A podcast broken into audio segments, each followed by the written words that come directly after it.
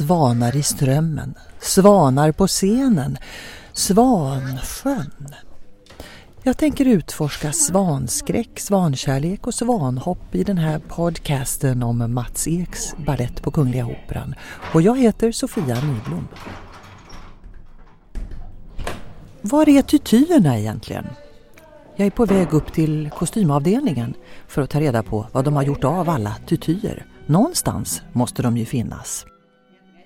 Jo, flera av tutyerna verkar ha flaxat in på herravdelningen för när jag kommer in där står dansaren Anthony Lomulio och provar sitt livs första tuty.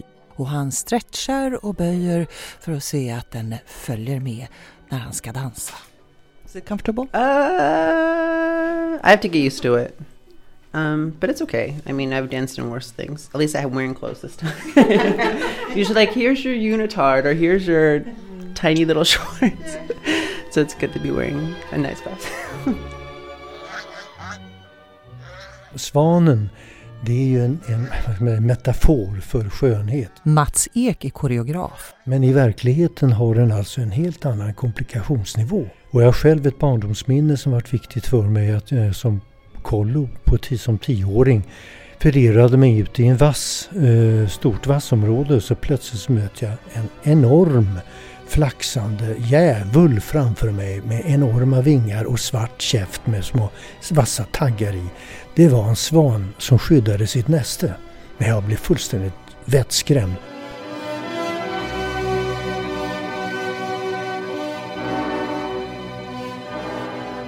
Ja, det är både eh, damer och herrar som är svanar i den här balletten. Scenografen Marie-Louise Ekman. Det där är ju inte något ovanligt att man som skådespelare eller som eh, en som ska berätta någonting på scen tittar på olika djur. Det, det förstärker det mänskliga beteendet att ha ett djur med sig i bagaget också. Och här är det ju väldigt tacksamt med då eh, de vackra vita svanarna och som är så graciösa när de simmar och sen kommer de upp på land och då tycker man att de inte är fullt så graciösa. Frågan är om inte Mats Ek och Marie-Louise Ekman sneglat en smula på en anka som kanske skulle vilja vara en svan. Kalle Anka. Eller i varje fall på hans brorsöner Knatte, Fnatte och Chatte när de gjort både Svandrottningen och Småsvanarna i Svansjön både skalliga och tunga i Gumpen. Ja, absolut. Det, är, det finns... Eh, allt som man har blivit påverkad av finns väl med i det man gör och det man eh, som, eh, som någon sorts eh, fragment i kanten eller också tar det en huvudroll i det nya man håller på med. Men det är ju det som är det roliga med att skapa, att man kan eh, göra sin egen blandning eh, med allt det som man har matats med och matar sig själv med. Gina Tse dansar en av svandrottningarna och just idag provar hon sin latexhätta som ska få henne att se skallig ut. Den är varm. Is it the first time you wear it? This one, yes. We're trying. I think it's gonna take time to get used to the feeling because really? you lose your heat from your head, so it's kind of stuck in there. Does it feel like not having any hair? It's like having a, a swimming cap on. Yeah, I feel very naked. Nadja Sellrup, svandrottning. Hur känns det att ha sån här latexhätta? Nej, jag har aldrig provat. Det är Gina som hon kör lite de här trials nu. Så att, eh, nej men jag bara tittar, det ser helt fantastiskt ut tycker jag. Eh, men det ser varmt ut. Man vet ju hur det har peruk på sig så att eh, ja, det blir nog varmt. Man kanske får ha lufthål, tänker jag. Jag vet inte. Svanen är ett sagodjur. Den sätter igång fantasin hos oss och får oss att känna igen oss. För vem vill inte vara en svan med lång hals och serpentinformad figur? Eller för den delen älska en svan? Mats har ju aldrig varit intresserad av att dela upp på något konventionellt sätt och det är ju också det som varit roligt att eh, kunna blåsa på eh, bara och intuitivt fantisera ihop. Vi, eh, och det, det, det, gör ju då att det blir väldigt allmänmänskligt. Man behöver inte dela upp allting i, i vad olika kön gör utan det blir vad olika människor gör och det är ju det är ju så att de här svanarna är olika sorters varelser och det, är, det är inte så det, det är liksom, huvudsaken är inte om det är en man eller kvinna utan de är ett kollektiv av svanar. Av alla svansagor är kanske H.C. Andersens Fula ankungen den mest omtyckta. Men tittar man på ankungen så förstår inte han till en början att han är en svan förrän han stöter på en svanmamma med ungar och ser att han duger precis som han är.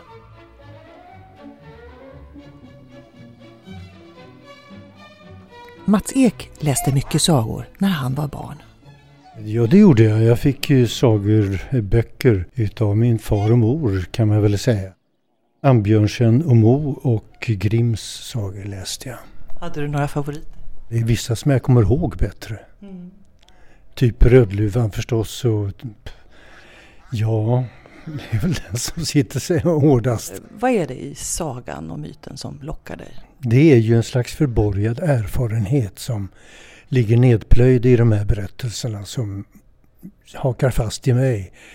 Eh, sen kan det gälla då att eh, gräva upp den där och eh, applicera den på sin egen konkreta erfarenhet, även om den är generell, när den ligger så att säga i sagan. Um, Svansjön är ju byggd på en, de bråkar om det faktiskt, om den är rysk eller tysk eh, saga från början. Oavsett det så fanns det då en trollkarl som hade förtrollat en prinsessa till en svan och eh, behärskade henne. Ur den sprang det här librettot som Svansjöbaletten bygger på. Men vad det är som eh, gör att den i princip blir så väldigt attraktiv. Ehm, jag tror att det är att det är något så välkänt med sagan, i alla fall de flesta sagor som vi använder oss av, att vi egentligen inte riktigt tänker på vad det berättar. Och tendensen med sagan när den återberättas är att man bara återger klichéerna. Det onda mot det goda, eh, och de, de fula mot de snygga eller de rika mot de fattiga, knappt det heller. Och det gäller att se dem som om det var nyskrivet och då kanske eh, upptäcka det välkända på nytt. Eh, det är som en liten röd stuga brukar jag säga med vita knutar som alla tycker är trevligt. Och så ska man öppna dörren och gå in med och då märker man om man väl går in att det hänger en skylt där. Varning. Den som går in här riskerar livet. För det är nämligen det sagorna ofta handlar om. Det är svek, det är mord, det är eh, våldsamma krafter på liv och död som iscensätts i en kanske alltför välkänt koncept. Och det är där som utmaningen ligger.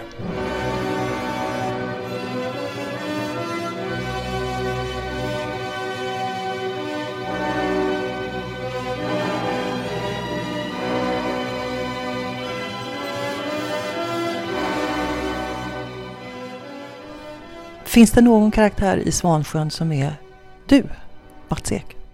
Nej, det gör det inte. Uh, för det är ju min koreografi, men den ligger ju hos alla. alla bitarna, också i grupperna, uh, så finns det ju min koreografi. Så att jag, jag, nej, jag har inte identifierat mig mm. annat än punktvis naturligtvis med de olika situationerna. Men uh, och det handlar inte om ett självporträtt. Det har vissa trott att det handlar om mig och min morsa. Det är det absolut inte. Utan eh, min mor var långt ifrån en, en drottning av den sort vi ser i balletten. En, en maktmänniska som lever ut vad hon själv vill och vill styra sin sons öde. Eh, på det sättet eh, har det här en annan berättelse. Men jag kan lägga till att på ett sätt eh, så är grundberättelsen kanske ändå en ung mans väg från barndom till vuxendom. Eller eh, till självständighet förhoppningsvis. Och den resan, den har jag gjort. Eh, och det, men inte bara jag, den har väl de flesta som kommer och ser det här, bortsett från barnen. Den dramatiska förloppet som det ändå är med en slags pubertet eh, och frigörelse från ett föräldraskap, dominant föräldraskap. Där känner jag en, en inte ett porträttlikhet, men en, förhoppningsvis ska den erfarenheten brinna igenom.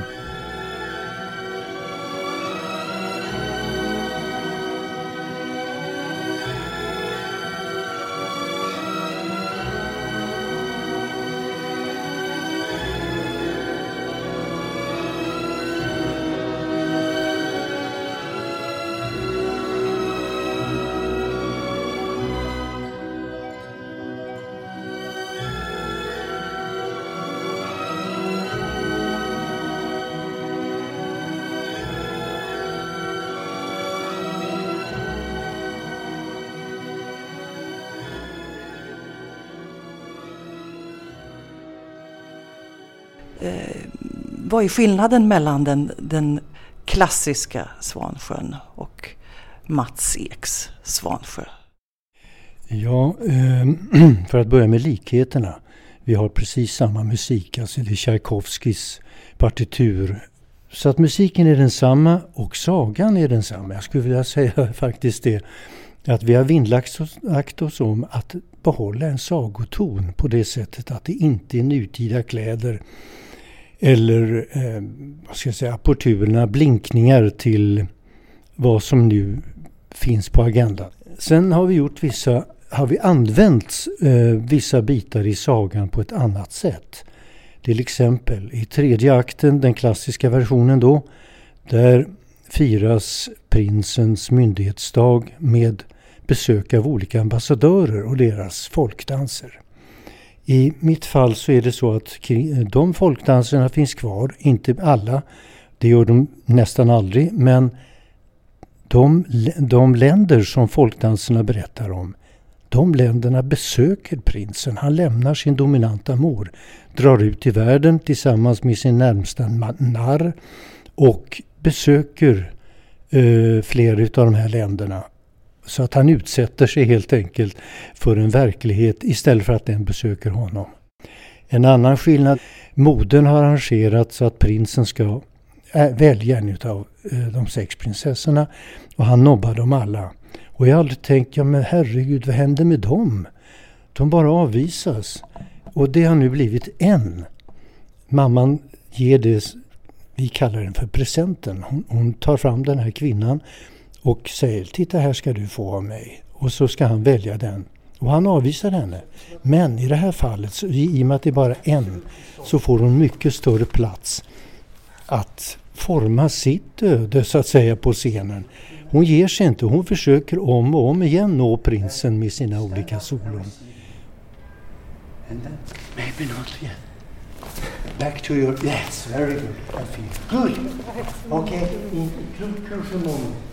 Yeah. And then when you do this, please see that the back leg is um, you you have danced the, the classical Swan Lake as well. What what's what's the difference? Oh my goodness. Um, Gina Tse, Svandrottning. The big difference for me classically, you're very up, you're high, you're on your point shoes, and you're forcing sometimes um, the acting. You know, it's still feeling it truly, but just in movements alone, ballet is very obvious.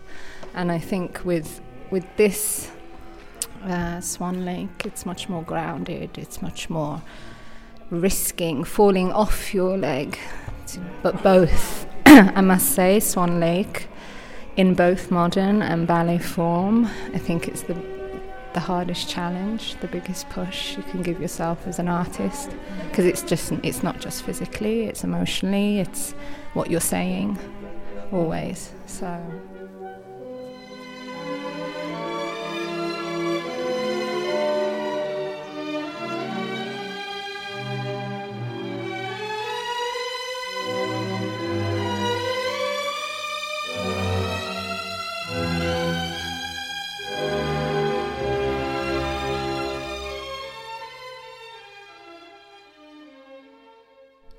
pratade med en av svandrottningarna som eh, sa att eh, oavsett om man dansar den klassiska eller Mats Eks eh, svandrottning så är det en av de svåraste rollerna i, eh, i eh, eh dansrepertoaren.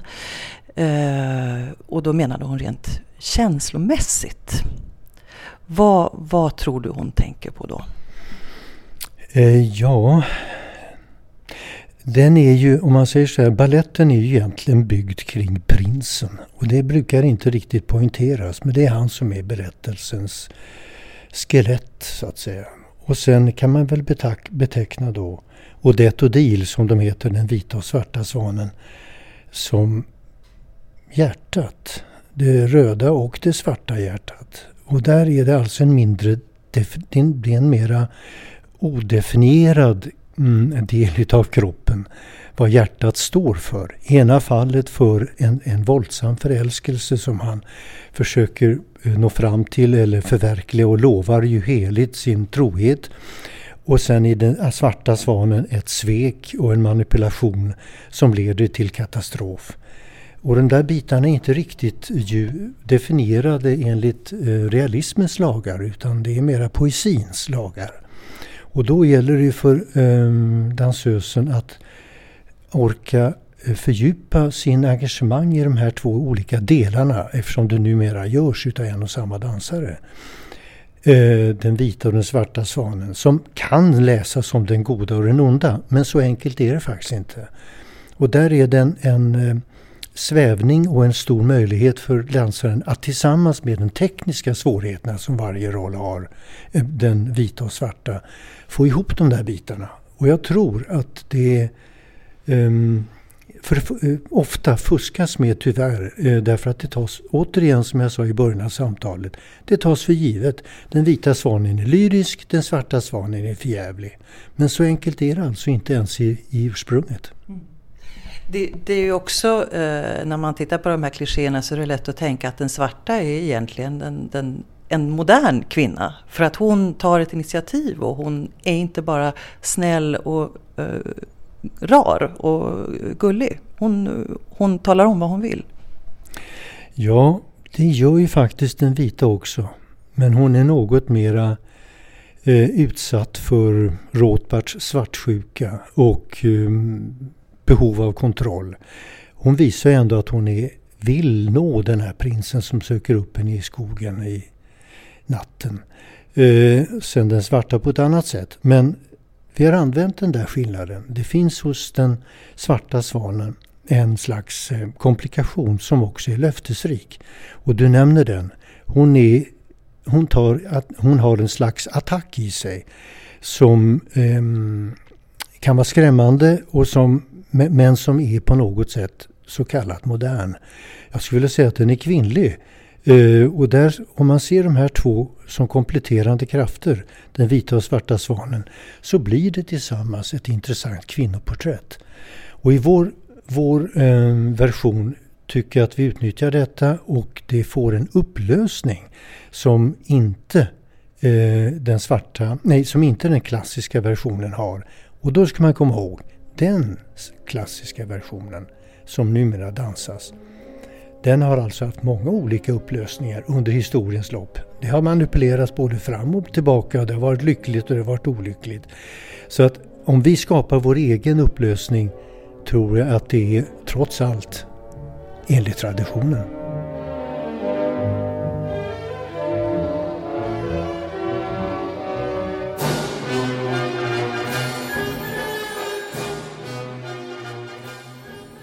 Gina Tse dansar både den vita och den svarta svanen.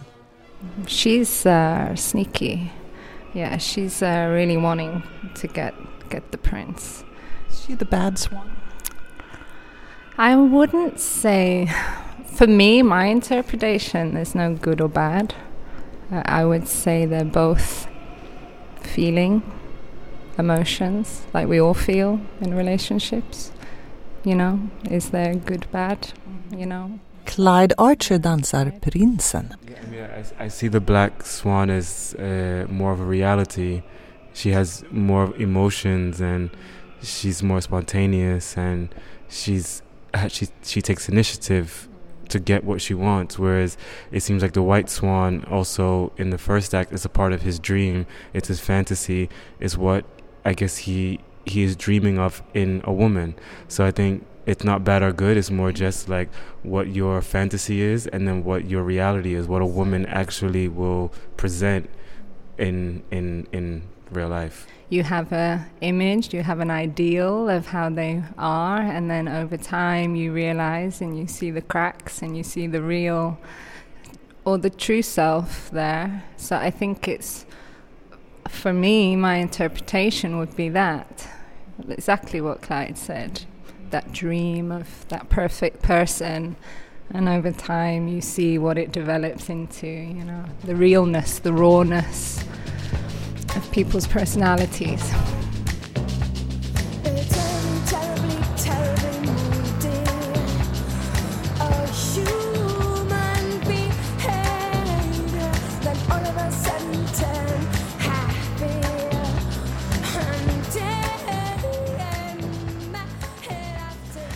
Män kan också förvandla sig till svanar. Stjärnbilden Svanen är ett minne av en kärleksstund mellan guden Zeus och den vackra Leda som simmar i en sjö en kväll när han upptäcker henne och flyger ner förklädd till svan och älskar med henne.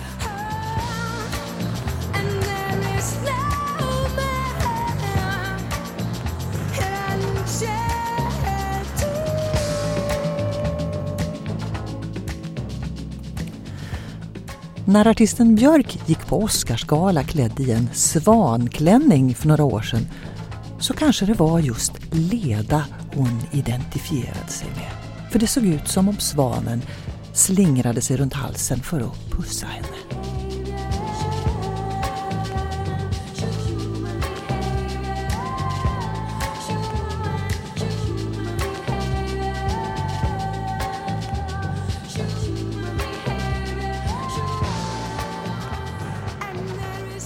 Handlar den här balletten om svårigheten i att älska eller lära sig älska? Ja, det kan man säga. Men det, alltså, det blir som en form av um, utveckling då utav hans eget drama som går ut på att, ska, att han ska bli självständig och kunna i de här svårigheterna som inkluderar morsan orientera sig och hitta sitt eget val. Och då bombarderad utav olika um, erfarenheter, upplevelser som till exempel att han möter den vita svanen. Svanen överhuvudtaget är en förvirrande och väldigt kraft i den upplevelsen för en prins att bli beblandad, eh, blandas upp med, med svanar som dansar runt om honom. Och det som jag ser det är ju egentligen en projicering, det är en slags dröm, det är en projicering av vad hans förvirring och att han vill bort från den, den värld som modern representerar, nämligen den officiella delen av hans eh, position som prins.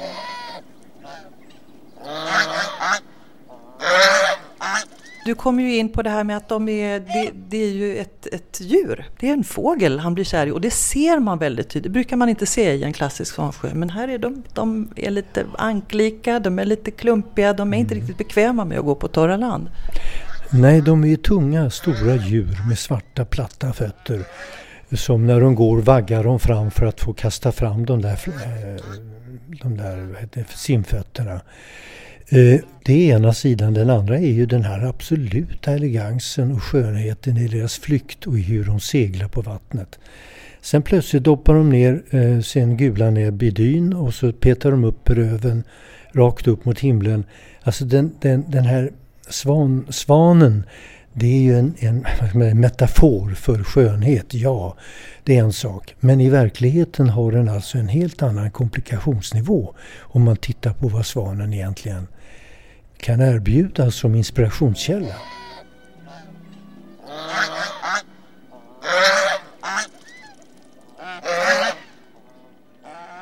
Och jag har själv ett barndomsminne som varit viktigt för mig att, som kollo på, som tioåring förirrade mig ut i en vass, eh, stort vassområde så plötsligt så möter jag en enorm flaxande djävul framför mig med enorma vingar och svart käft med små vassa taggar i.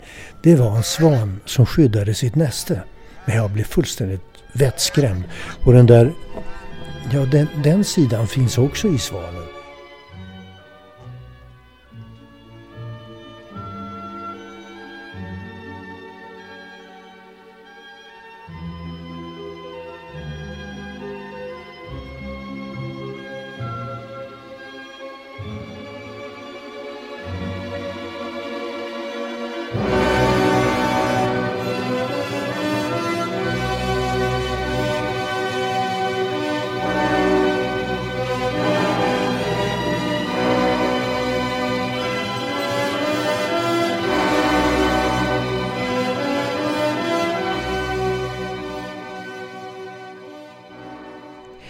Någonting man kan se går igen i, i dina eh, dansföreställningar så är det eh, ett, det här att ställas inför någonting som är okänt, som är främmande. Inte bara den här lilla dörren till den stugan eh, där det står varning.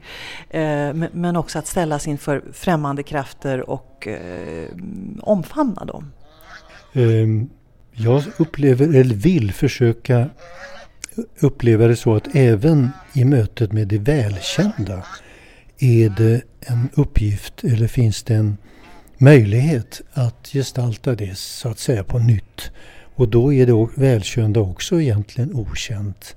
Så att vara öppen för förändring? Ja, eh, i alla fall eh, inte ta saker och ting för givna utan eh, ständigt se, försöka se att det hela tiden är små förändringar och ibland väldigt stora, väldigt våldsamma.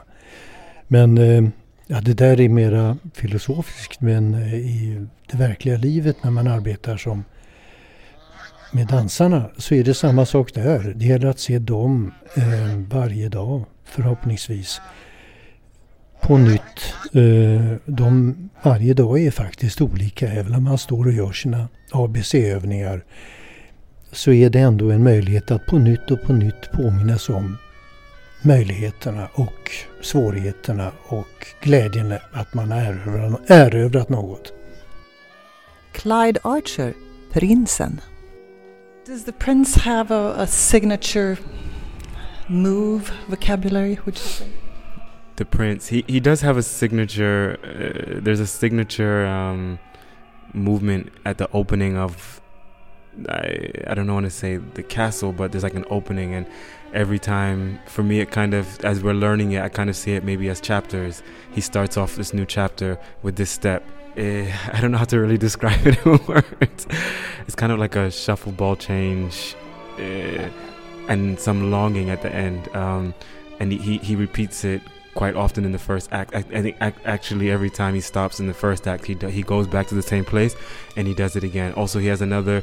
There's like um, a, a shell in the in the in the piece also, and he has also several references towards the shell. It seems like that's his security so you're you're getting to learn the, the vocabulary yes. right now. Yeah, yeah. What about the, the, the queen? Oh. What are your signature moves? Gina C, Svandrottningen. Not so much signature, but I think, for example, her first entrance, she's actually she really looks like a, a duck, a, a swan, a, a, bird. You know, she's coming out the lake and she's wet and she's heavy. That's also going back to the question about the difference between the modern and the classical. The classical, she's always pretty, you know, and this it's very realistic. You have to really think sometimes like a bird coming out the lake and shaking her feathers, you know. So have you been doing a lot of bird watching? Good job I was a bird watcher when I was little. yeah, yeah, no. but I think we can all recognize, you know, we've all been to the lakes feeding swans and ducks. Mm. So, yeah. Mm. uh, finally, what's it like dancing with a queen who has a who's bald? um, there's no difference yet. and maybe maybe maybe if it starts maybe if it starts to come off, then maybe I start to get stressed because I see it. but uh, there's there's no there's no difference actually. So it's uh, she's still beautiful in your she's eyes. Still very beautiful in my eyes always. So yeah. Great, thank you. Thank, thank you. you. Du har lyssnat till en podcast om Mats Eks ballett Svansjön på Kungliga Operan och vill du veta mer så går du in på sajten operan.se. Jag som är programledare och producent heter Sofia Nyblom och för ljudmixen svarar Johan Egeskog och podcasten kommer från produktionsbolaget Munk.